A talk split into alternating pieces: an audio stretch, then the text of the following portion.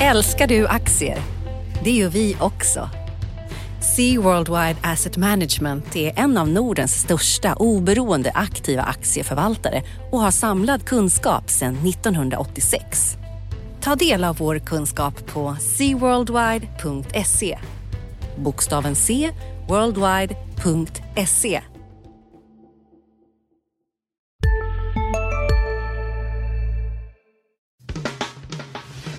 Analyspodden från Dagens Industri.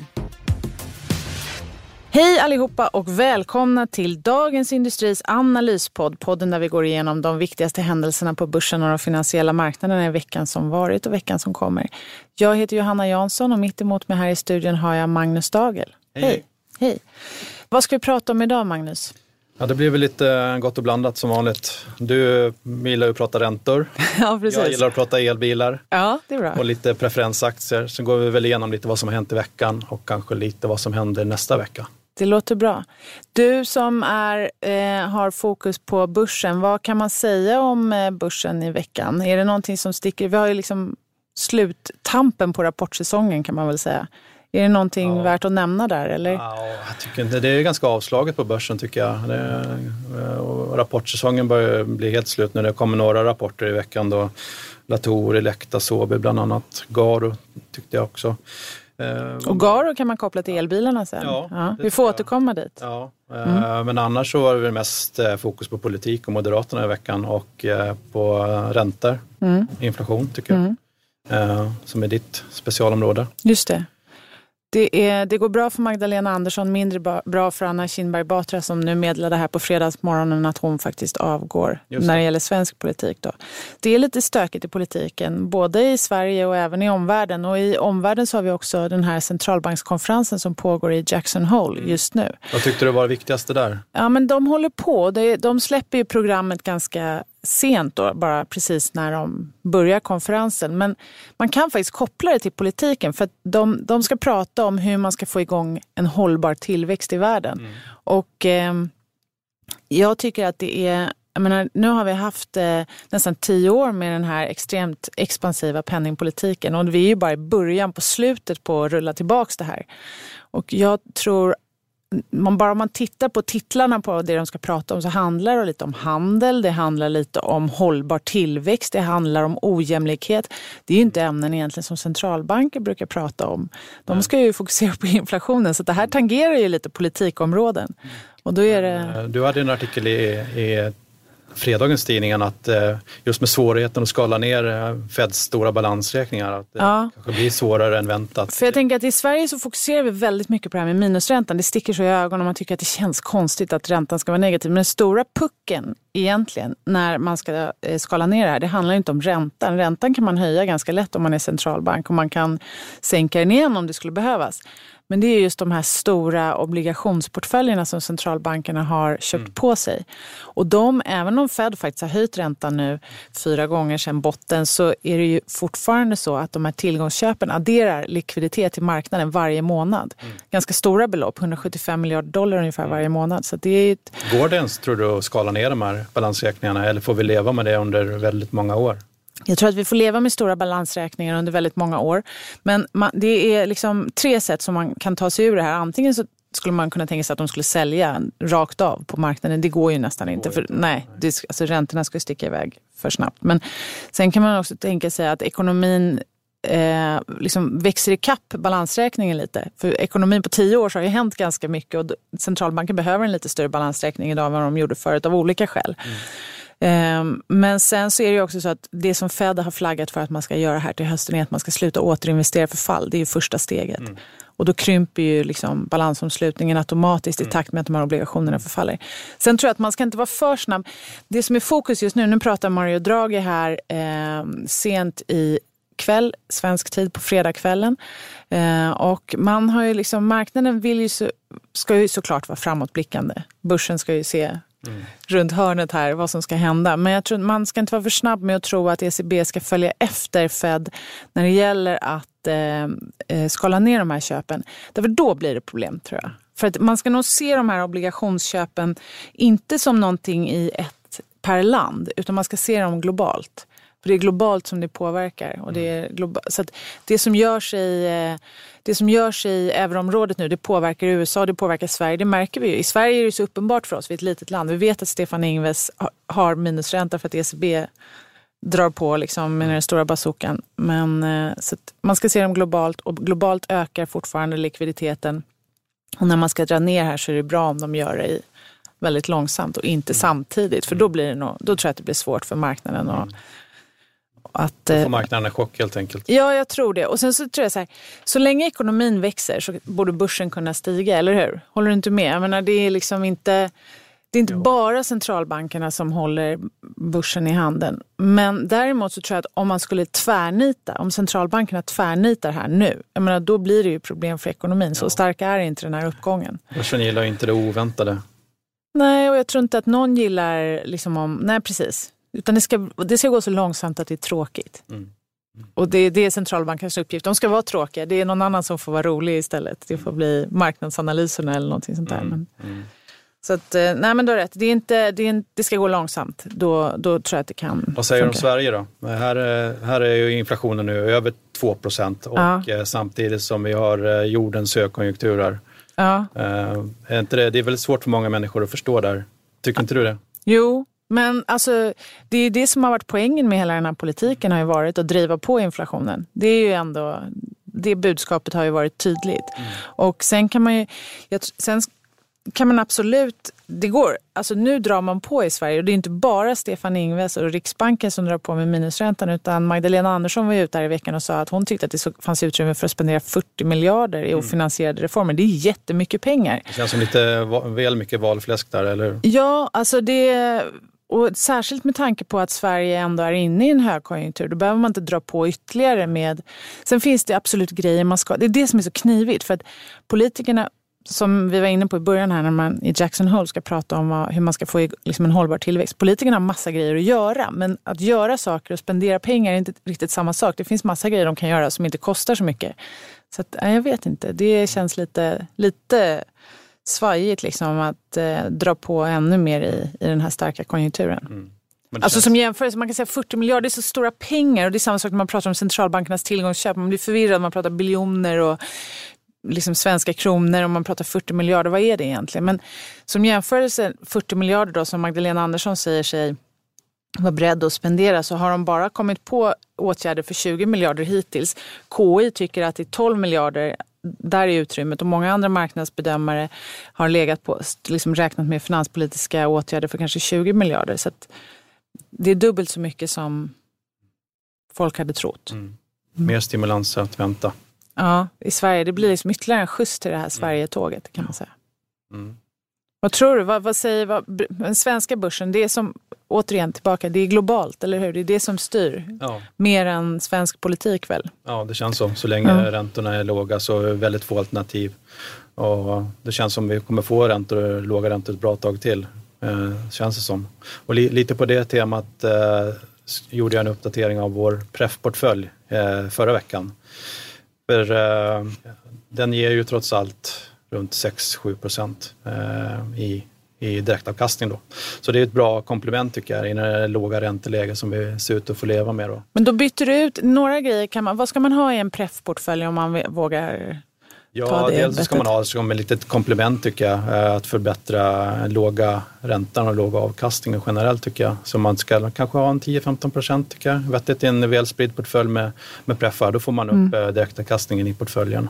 Eh, och sen tycker jag man kan göra... Och vilka bolag då ska man ha? Din, Ja, det finns ett flertal fastighetsbolag. Jag tycker man ska fokusera på de högkvalitativa fastighetsbolagen som har preffar utestående. Det finns ju mängder med mindre bolag och de tycker jag man ska hålla sig borta från. Där är risken alldeles för höga.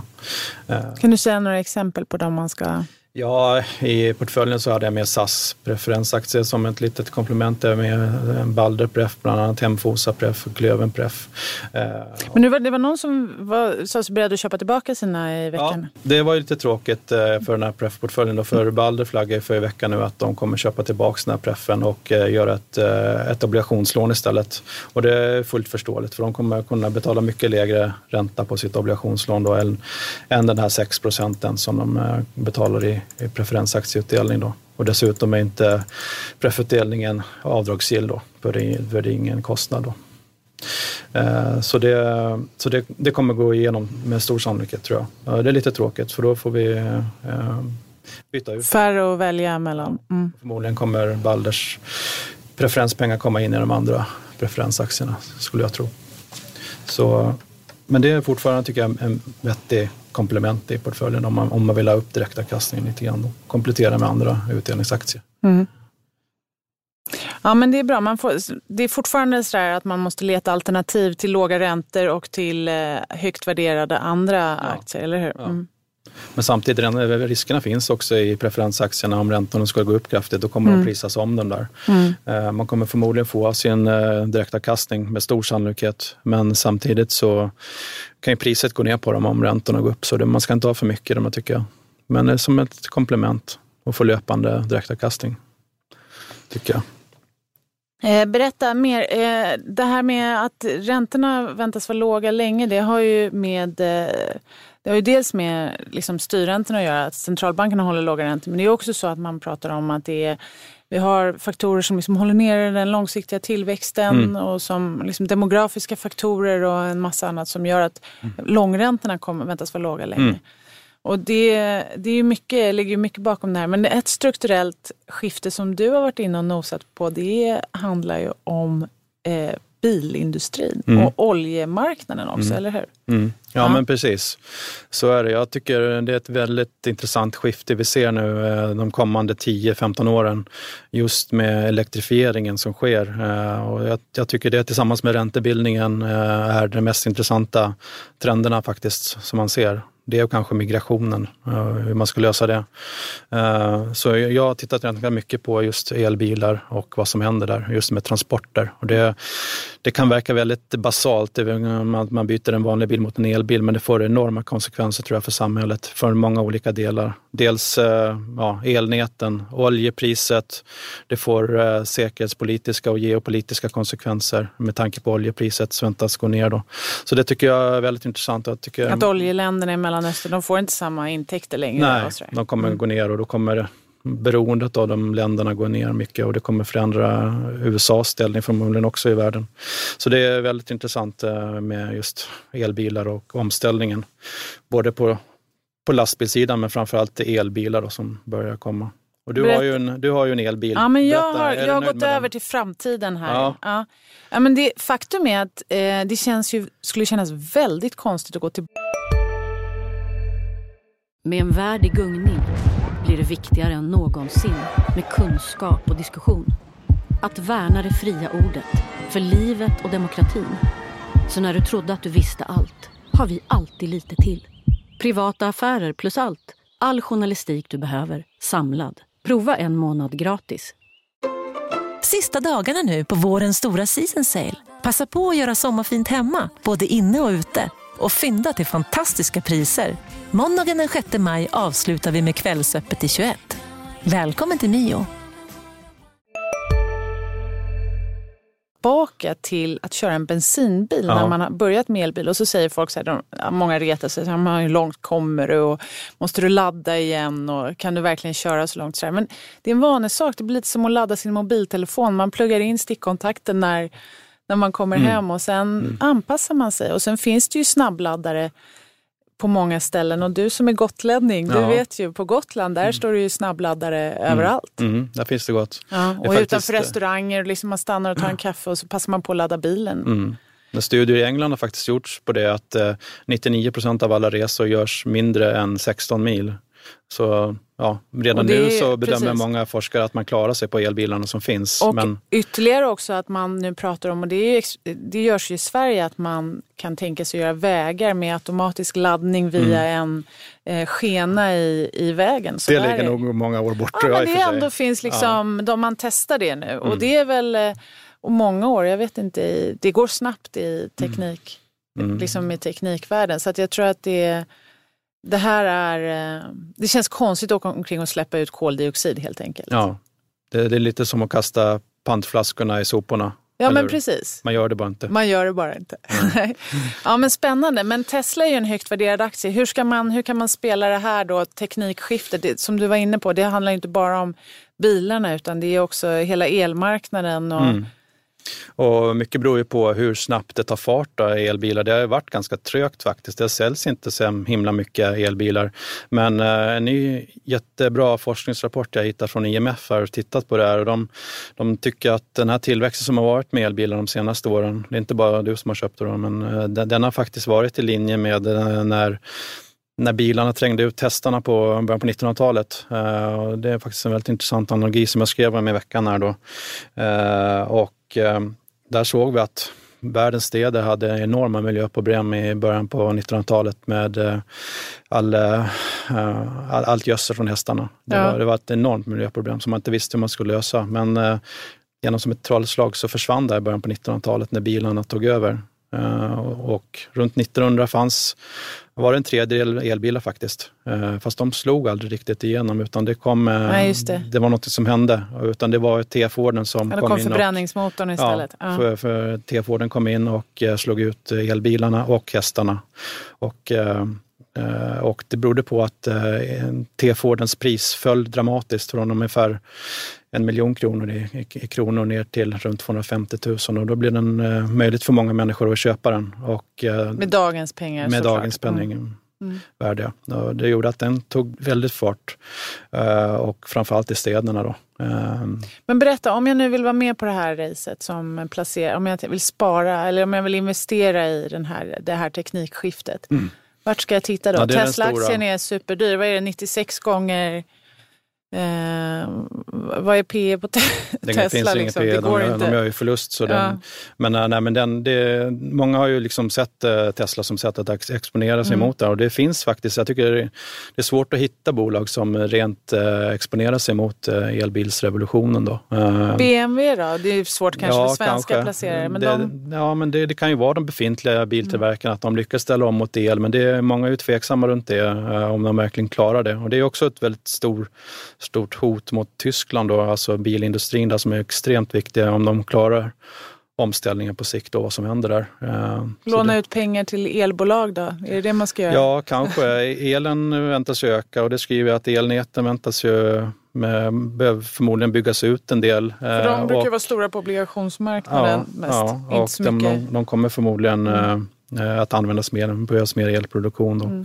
Men just det, Tesla är ju nog inte kanske helt optimala för den är så högt värderad. Mm. Den värderas ju till 500 miljarder och de levererar väl kanske 100 000 bilar i år. Så det, det, det, man tar en väldigt stor risk att investera i Tesla, även om det är ett fantastiskt bolag på många sätt tycker jag. Så där, den, eh, jag tycker man ska hålla koll på elbilsrevolutionen de kommande åren. Här. Det kommer få stora konsekvenser för många branscher. Mm. Ja, men spännande. Ehm, vad, eh, men som sagt, det, det, är de här, det är långa trender när det gäller sånt här. Men hålla koll på det. Men inget köpläge i Tesla i alla fall. Nej, det tycker jag inte. Eh, Det är för högt värderat helt enkelt. Man tar en för stor risk där.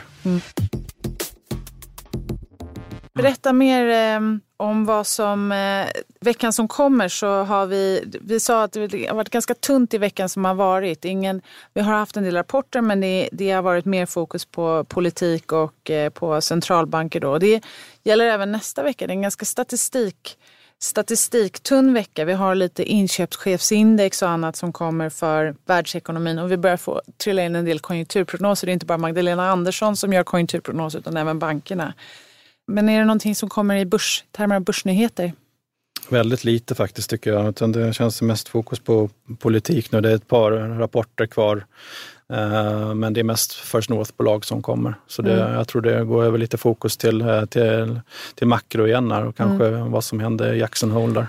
Precis, och jag tänker på när det gäller konjunkturen så är de här inköpschefsindexen och liksom förtroendet för konjunkturen är ganska starkt. Men än så länge så är det, liksom, eller det är en, också en, eh, vad ska man säga, en diskrepans mellan de här starka konjunktursignalerna och hur starkt ekonomin faktiskt växer. Vi säger att det är rekordstark högkonjunktur i Sverige men det beror lite på vem man frågar. Det är, den återhämtning som har varit sedan finanskrisen har varit ungefär genomsnittlig, om Mm. ens det. Eller om något åt det svagare hållet om man tänker realekonomiskt. Däremot så har vi haft en väldigt lång börsuppgång. Mm. Så det, det, det har varit en lång börsuppgång. Vi är inne på sjätte ja. året i rad ja. med börsuppgång och i USA är vi inne på nionde året i rad. Och även en lång konjunkturuppgång mm. för de brukar inte hålla i sig så Nej. mycket alltså så, så mycket längre. Men det, har, men det förklaras ju också av att det har gått ganska mm. Gradvis. Men samtidigt har eh, tillväxttakten i både i ekonomin och i, alltså i börs, börsuppgången varit lägre än normalt. Det, Exakt, det, jag det... menar, det har gått relativt långsamt. Men hur känner du för börsen och konjunkturen? Och vad tror du? Alltså det är svårt att prata cykler kanske, men var är vi någonstans i...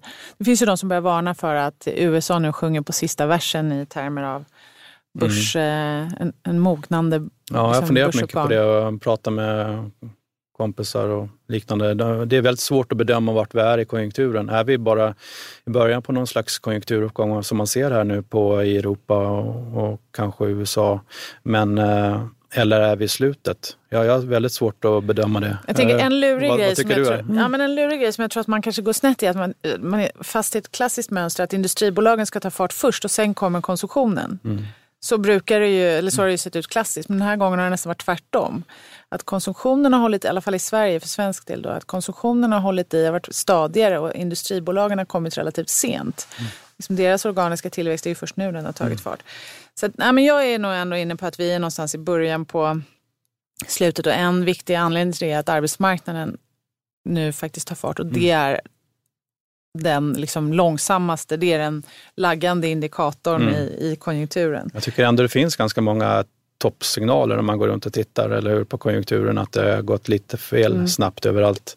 Mm. Lite som vår kollega Henrik Mittelman var inne på. Här.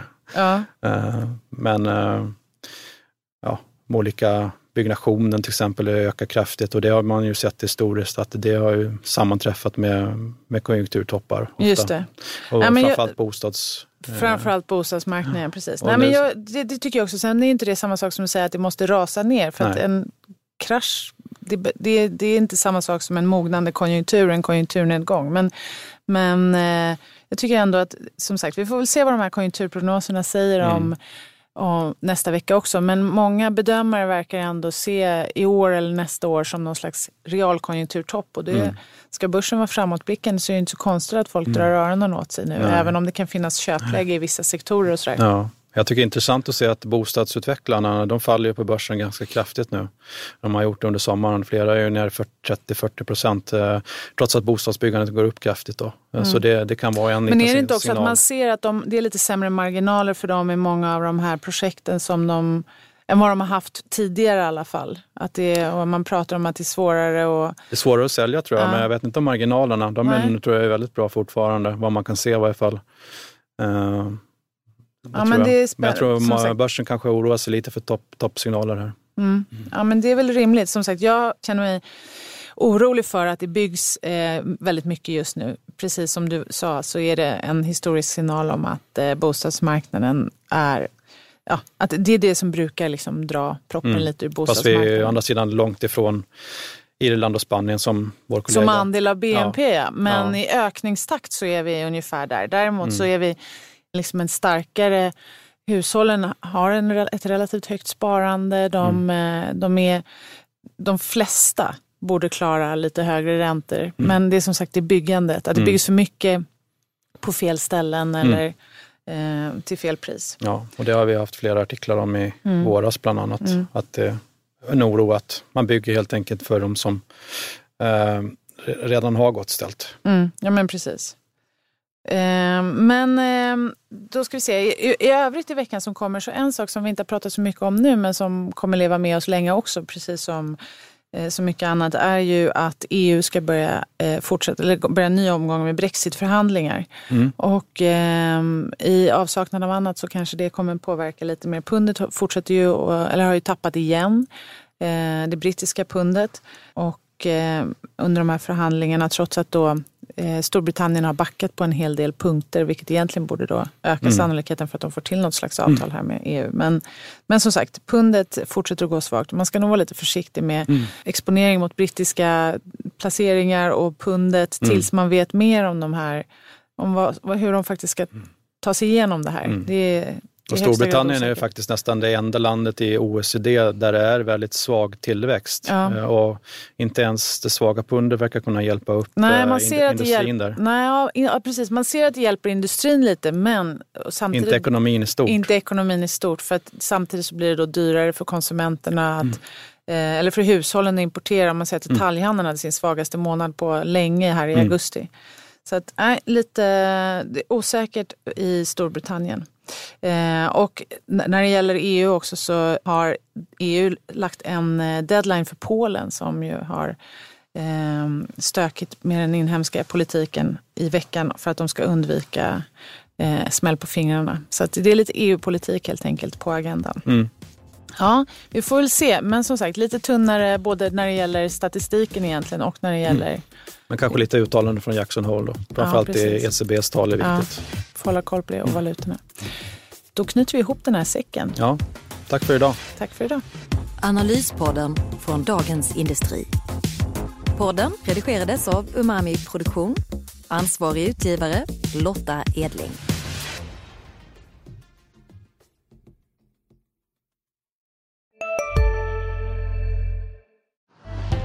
Älskar du aktier? Det gör vi också. Sea Worldwide Asset Management är en av Nordens största oberoende aktiva aktieförvaltare och har samlad kunskap sedan 1986. Ta del av vår kunskap på seaworldwide.se. Bokstaven C, worldwide.se